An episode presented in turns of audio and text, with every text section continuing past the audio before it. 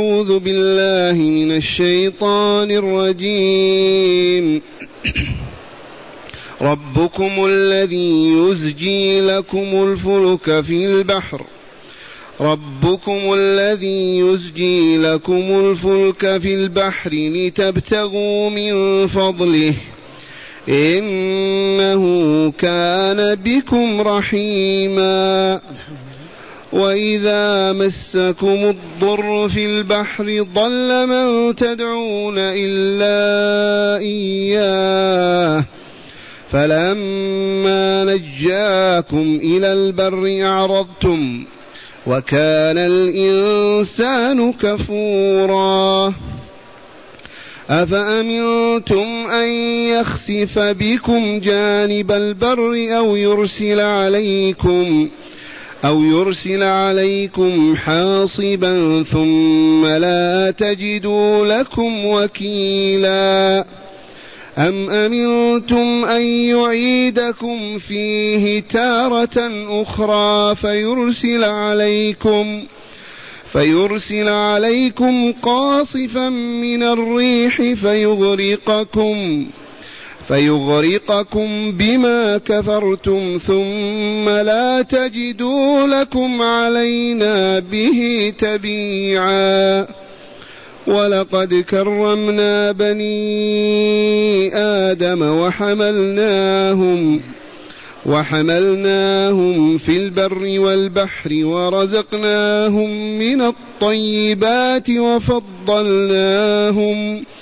وفضلناهم على كثير ممن خلقنا تفضيلا. أحسنت.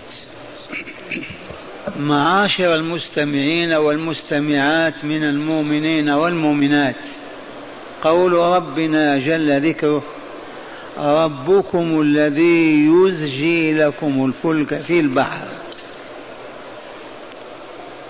هذا الخطاب من خاطب به الله جل جلاله. من المخاطبون به؟ الناس أجمعين وبخاصة الكافرين المشركين. إذا ربنا رب العالمين رب كل شيء رب المؤمنين والكافرين. ربكم أي خالقكم ورازقكم. الذي استوجب عبادته منكم إذ هو الذي منحكم الوجود ووهبكم حياتكم فهو الذي ينبغي أن تعبدوه. كيف تعبدون أصناما وأوثانا واحجارا تؤلهونها. ربكم الحق الذي يزجي لكم الفلك في البحر. الفلك السفن في البحر من يجريها؟ من يسوقها لولا الله عز وجل؟ تجرب بالحبال وإلا بالخيول أو البغال. تمشي في البحر. من عهد نوح عليه السلام من سفينة نوح. فربكم أيها الغافلون هو الذي يزجي لكم الفلك في البحر من أجل ماذا؟ لتبتغوا من فضله لتطلبوا الرزق من فضل الله تعالى بحمل البضائع واستيرادها وتوريدها. وبيعها والإتيان بها من بلد إلى بلد. كيف يعمل الانسان عن هذه الرؤيا؟ ربكم الحق الذي لا إله غيره ولا رب سواه الذي يجزي لكم يزجي يدفع ويسوق السفينة في البحر. من أجل أن تبتغوا أنتم وتطلبوا فضلا من ربكم طعامكم وشرابكم ولباسكم وما تحتاجون إليه. وهذا شأن السفن التجارية كلها. ثم يقول لهم مقرعا وإذا مسكم الضر في البحر مرضتم في السفينة اضطربت السفينة كادت تغرق أصابكم ما يضركم وسط البحر ظل من تدعون إلا إياه. نسيتم وما عرفتم وما ذكرتم من تدعون إلا الله عز وجل. غاب عنكم كل الذين كنتم تدعونهم من اللات العزى وما إلى ذلك. هذا إخبار الله بواقع الحياة. وإذا مسكم الضر ما يضركم وأنتم على ظهر السفينة من مرض وغيره كاضطراب السفينة والخوف من الغرق. ظل غاب عنكم من تدعون إلا الله وحده. وهذه كانت في العرب في الجاهلية أيام الشرك والكفر وهي لطيفة هذه من اللطائف. المشركون الكفار الذين بعث فيهم رسولنا صلى الله عليه وسلم كانوا إذا ركبوا السفينة واضطربت بأمواج البحر والعواصف فزعوا إلى الله وحده. والله ما يذكرون اللات ولا العزى ولا منات ولا هبل ولا ولا. إلا يا رب يا رب يا رب يا رب حتى ينجيهم. وإليكم دليلا على هذه القضية. لا تستعجل. أبو جهل ما خلف ولدا مؤمنا من هو؟ عكرمة. عكرمة استمر على الكفر إلى يوم الفتح. وأبوه هلك في بدر قبل ست سنين. فلما دخل رسول الله صلى الله عليه وسلم ورجاله مكة وفتحها الله عليهم في جماعة من شديد الكفر أبوا أن يبقوا في مكة ليشاهدوا رسول الله أو يسلموا. هربوا. من بين من هرب عكرمة رضي الله عنه وأرضاه. إلى أين؟ إلى ساحل البحر جدة أو دونها. فوجد سفينة تريد أن تقلع. فركب حتى لا يبقى ويشاهد أراية لا إله إلا الله محمد رسول الله. فلما مشت السفينة داخل البحر اضطربت بسبب عاصفة من الرياح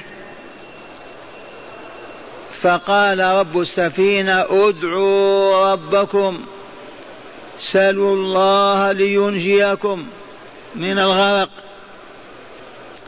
فعكرمة كأنما كان نائما واستيقظ قال هذا الذي هربت منه أنا ما هربت من رسول الله إلا من هذا.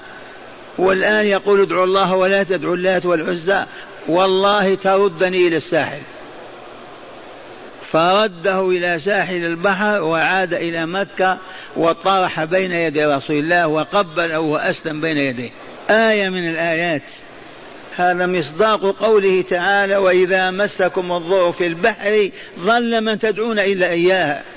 فلما نجاكم إلى البر أعرضتم ونسيتم الله عز وجل واشتغلتم بالجرائم والمعاصي وعبادة الأوثان. واللطيفة الثانية ذكر الشيخ رشيد رضا تغمده الله برحمته من صلحاء السلفيين في عصرنا هذا توفي رحمة الله عليه ذكر في تفسيره المنار ونعم التفسير والله. قال يذكر عن شيخه محمد عبد أنهم كانوا في سفينة حجاج.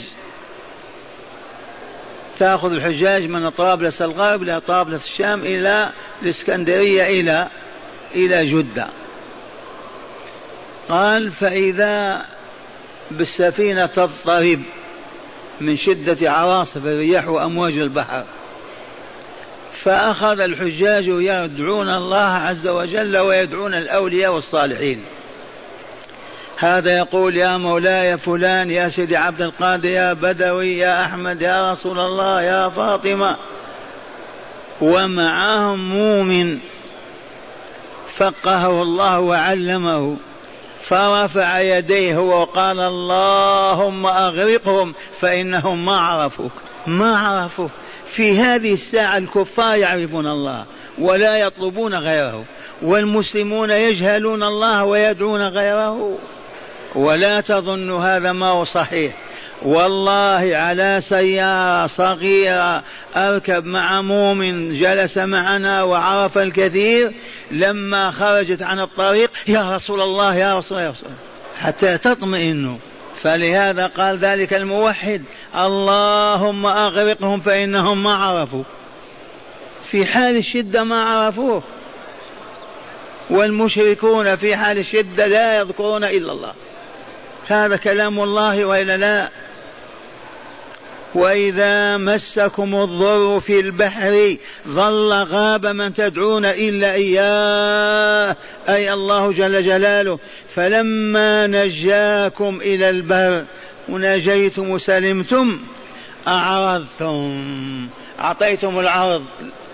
ما كنتم مقبلين على يا ربي. بعد عرضتم عنه ورجعتم الأصنام والأوثان.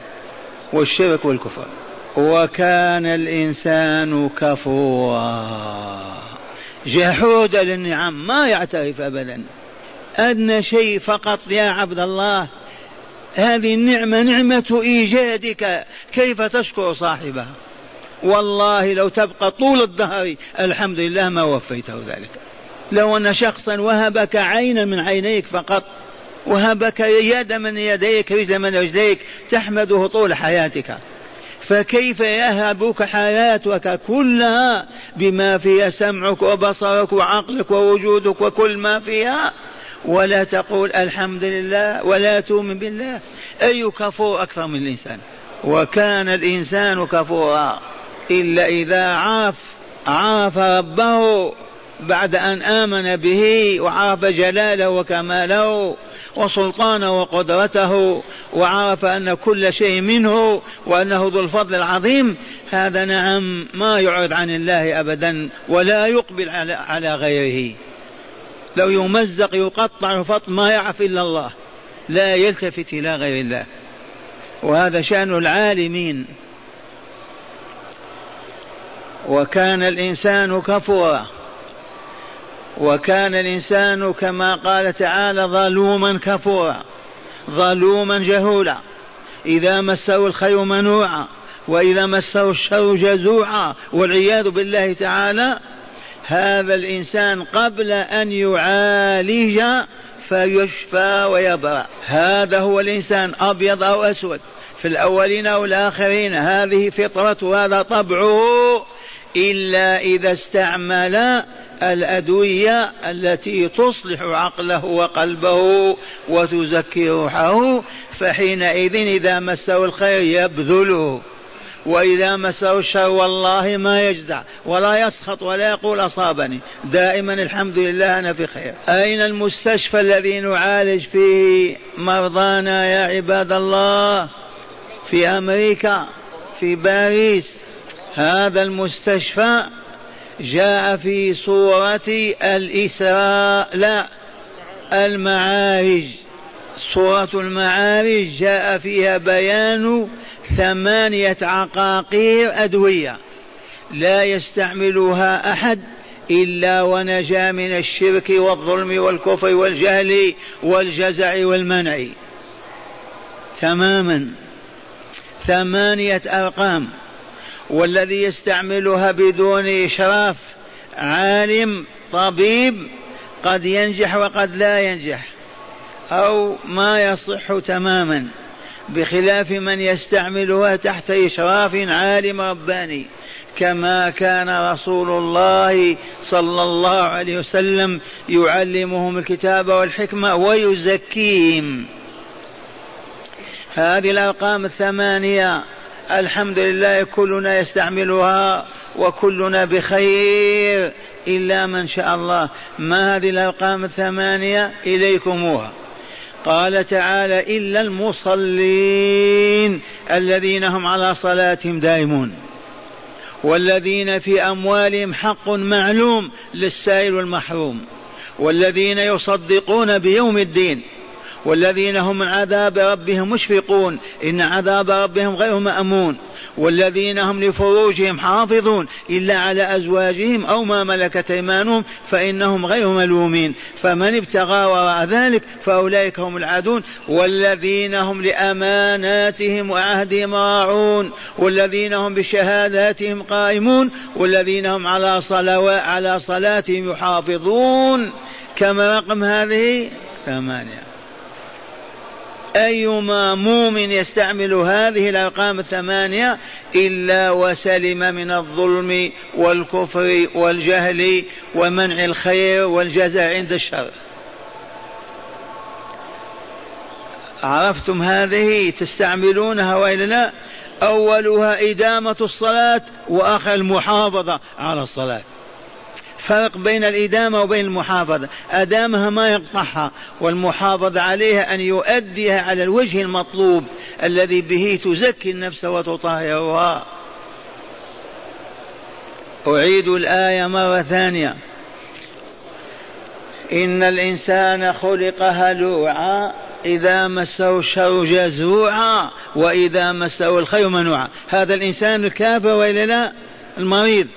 إلا المصلين الذين هم على صلاتهم دائمون والذين في أموالهم حق معلوم للسائل والمحروم الزكاة والذين يصدقون بيوم الدين والذين هم من عذاب ربهم مشفقون والذين هم من عذاب ربهم غير إن عذاب ربهم غير مأمون والذين هم لفروجهم حافظون إلا على أزواجهم أو ما ملكت أيمانهم فإنهم غير ملومين. فمن ابتغى وراء ذلك فأولئك هم العادون. والذين هم لأماناتهم وعهدهم راعون. والذين هم بشهاداتهم قائمون. والذين هم على صلاتهم يحافظون. أولئك في جنات مكرمون. هذا الخبر. أولئك في جنات. ما هي جنة واحدة؟ مكرمون إذا تأملتم قول ربنا عز وجل في هذه الآية ربكم الذي يزجي لكم الفلك في البحر. ما هو عبد القادة ولا فلان ولا فلان. لتبتغوا من فضله. فضل من؟ فضل الله الرزق. إنه كان بكم وما زال رحيما. وهذه مظاهر رحمته في تسخير الفلك لكم وطلب الرزق. وإذا مسكم الضر في البحر ظل غاب من تدعون إلا إياه. وهو الواقع. فلما نجاكم إلى البر اعرضتم نحن إن شاء الله لا نعرض المؤمنون لا يعرضون أعرضتم وكان الإنسان كفورا.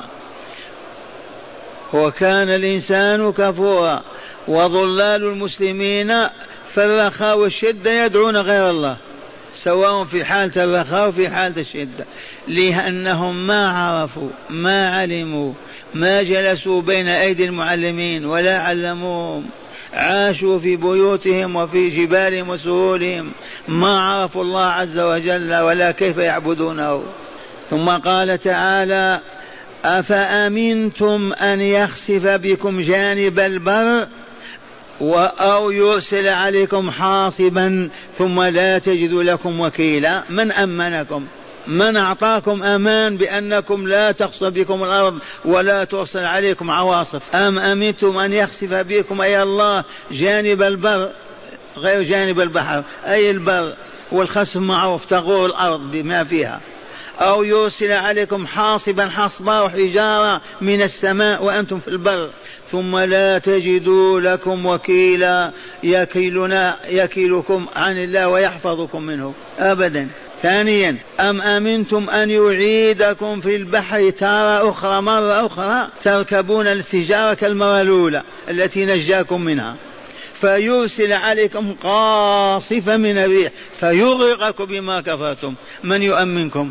ثم لا تجدوا لكم علينا به تبيعا يأثر لكم ويأخذ من حق ويأخذ منا بحقكم. مرة ثانية عباد الله يا أهل القرآن هذا القرآن ما يقرأ على الموتى يرحمكم الله.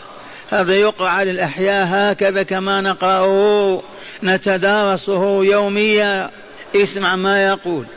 ربكم الذي يزجي لكم الفلك في البحر يزجي يدفعها يسوقها. لماذا لتبتغوا تطلبوا من فضله عز وجل؟ انه كان بكم رحيما. ورحمته متجليه في كل شيء. لولاه ما تنفسنا تنفس واحد. واذا مسكم الضر في البحر عندما تركبون السفينة ظل من تدعون إليه غاب عنكم ما تعرفون إلا الله. وهذه حالهم في الجاهلية. فلما نجاكم إلى البر أعرضتم وتركتم سؤال الله ودعاءه ودعوتم الأصنام والأحجار. وكان الإنسان كفورا هذا طبعه هذه حاله إلا إذا عولج فشفي. إلا إذا استعمل الأرقام الثمانية كلها فشفاه الله عز وجل. ثم قال يوبخهم أفأمنتم من يخسف بكم جانب البر؟ نجاكم إلى البر وإذا لا؟ وأعرضتم. أرأيتم لو يخسف بكم الأرض؟ ما هو على ذلك قدير؟ بلى. أو يرسل عليكم حاصب حجارة من السماء. ما هو خسف؟ رياح شديدة تحمل الحجارة. من ينجيكم؟ ثم لا تجدوا لكم وكيلا دون الله يمنعكم ويحفظكم من الله أبدا. ثانيا أم أمنتم؟ أأمنتم أن يعيدكم فيه أي في البحر تارة أخرى مرة أخرى فيرسل عليكم قاصفا من الريح فيغرقكم بما كفرتم. من يأمنكم؟ ثم لا تجدوا لكم علينا به تبيعا لكم يأثر لكم منا. واضح هذا الكلام يا أبنائي؟ هذا يقرأ على الموت يفهمونه لماذا نقرأ على الموت ولا نقرأ على الأحياء؟ ثم قال تعالى وقوله الحق ولقد كرمنا بني آدم الحمد لله الحمد لله كرمنا فضلنا أكرمنا أعطانا ما لم يعط غيرنا فنحن أفضل من عالم الجن بكامله أفضل من عالم الحيوانات بكامله. وخلصاؤنا خواصنا أفضل من الملائكة وعامة الملائكة أفضل من عامتنا. والشاهدنا كرمنا الله عن الجن الذي يأكلون الأوساخ ويمشون في الأرض فضلنا عن الحيوانات مهما كانت في عظمتها وقدرتها وحياتها الإنسان فضله بالعقل والعلم والهيئة. أرأيتم لو كنا كالبهائم نمشي على أربع أو نزحف كالحيتان في الماء. من كرمنا يرحمكم الله؟ آباؤنا أمهاتنا. ما كرمنا الله إلا هو. ما كرمنا إلا الله جل جلاله وعظم سلطانه. ها يخبر تعالى بهذه المنة ولقد كرمنا بني آدم وحملناهم في البر والبحر في البر نركب الحمير والبغال والإبل والآن السيارات والطيارات وفي البحر السفن على اختلافها من حملنا. الله هو الذي صنع لنا السفينة وعلمنا كيف نصنعها هو الذي علمنا كيف نركبها كيف نقودها. كل شيء عائد إليه. ولقد كرمنا بني آدم ربنا لك الحمد. بنو آدم ذرية آدم وحملناهم في البر والبحر ورزقناهم من الطيبات. اللحوم الفواكه الخضر الحبوب هذه من خلقها أمهاتنا آباؤنا.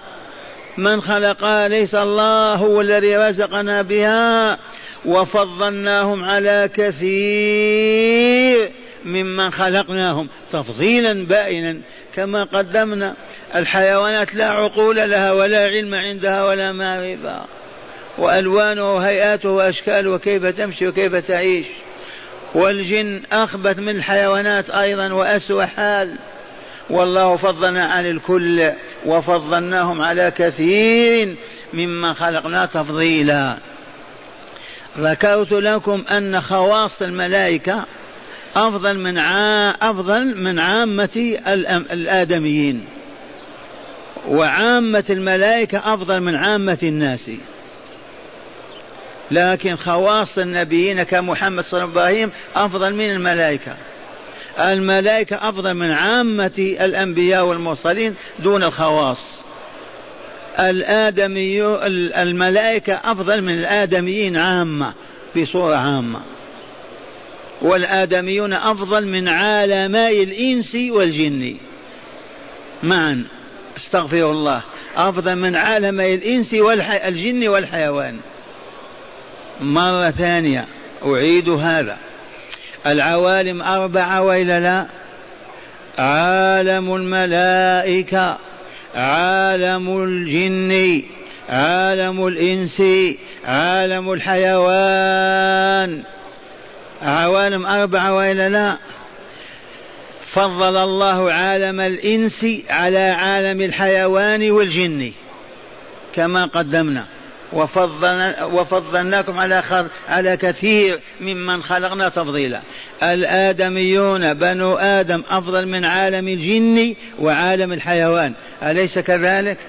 بقي عالم الملائكة. عالم عالم الملائكة أفضل من عالم الإنس. دون خواص الإنس كالأنبياء والمصطفين. فأولئك بعضهم أفضل من الملائكة وبعضهم دون الملائكة. عوام الملائكة أفضل من عوام بني آدم. كذا ولا لا؟ خواص الملائكة أفضل من عام من عامة بني آدم. خواص الملائكة فيهم خواص الرسل أفضل منهم. والشاهد عندنا في قول ربنا تعالى وفضلناهم على كثير ممن خلقنا من هم الذين فضلنا عليهم؟ الجن والحيوانات. على اختلافها وأنواعها. والآن مع هداية الآيات فتأملوا هذه الهدايات المأخوذة من هذه الآيات الأربع. تفضل. بسم الله والحمد لله. من هداية الآيات اولا تعريف الله تعالى بذكر صفاته الفعلية والذاتية. تعريف الله بما يعرف الله بصفاته الذاتية والفعلية. الخلق فعل وإلا لا هو صفة من صفات الله. الرزق فعل وإلا والله هو الرزاق في صفات فعلية وصفات ذاتية. صفات الله العليم والرحيم البر الكريم ذو الجلال والإكرام. فهذه الآية دلت على هذا ما قال تعالى ربكم الذي يزجي لكم الفلك في البحر. هذه صفة ذاتية وإلا لا؟ هو الذي يسوق بنا السفن. إذا الآية دلت على وجوب تعريف الله تعالى بذكر صفاته الفعلية والذاتية. يجب أن نعرف الله فإذا عرفناه والله ما نعصيه. ولا يعصونه إلا الجاهلون به. نعم. ثانيا تذكير المشركين بحالهم في الشدة والرخاء. لطيفة. لما الملائكة لا يعصون الله؟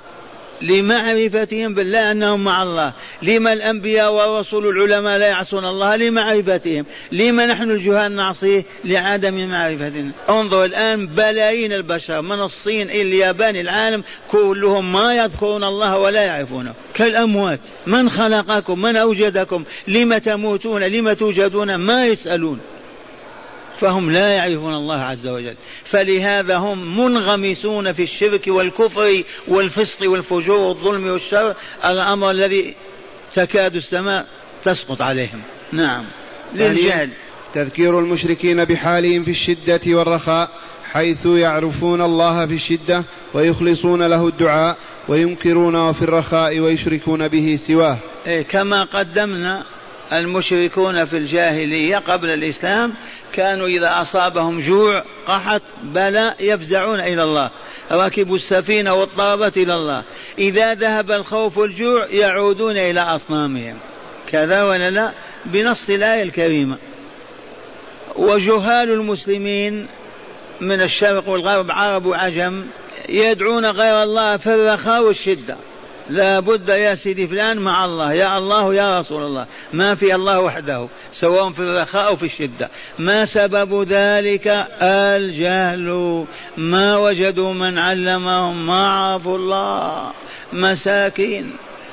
نعم. ثالثا تخويف المشركين بأن الله تعالى قادر على أن يخسف بهم الأرض أو يرسل عليهم حاصبا من الريح فيهلكهم أو يردهم إلى البحر مرة أخرى ويرسل عليهم قاصفا من الريح فيغرقهم بسبب كفرهم بالله وعودتهم إلى الشرك بعد دعائه تعالى والتضرع آه. إليه حال الشدة. إيه هذه الآيات قوله تعالى وإذا مس أفأمنتم من يخسر بكم كل ذلك تخويف للمشركين ليتوبوا إلى الله ويرجعوا إليه. نعم. رابعا بيان منن الله تعالى على الإنسان وأفضاله عليه في تكريمه وتفضيله. أي نعم. إفضال الله وإنعامه وكان الله وكان بكم رحيما. الذي علمنا كيف نسوق السفينة وكيف نطلب الرزق وكيف نحرث ونحصد أليس هذا هو الله؟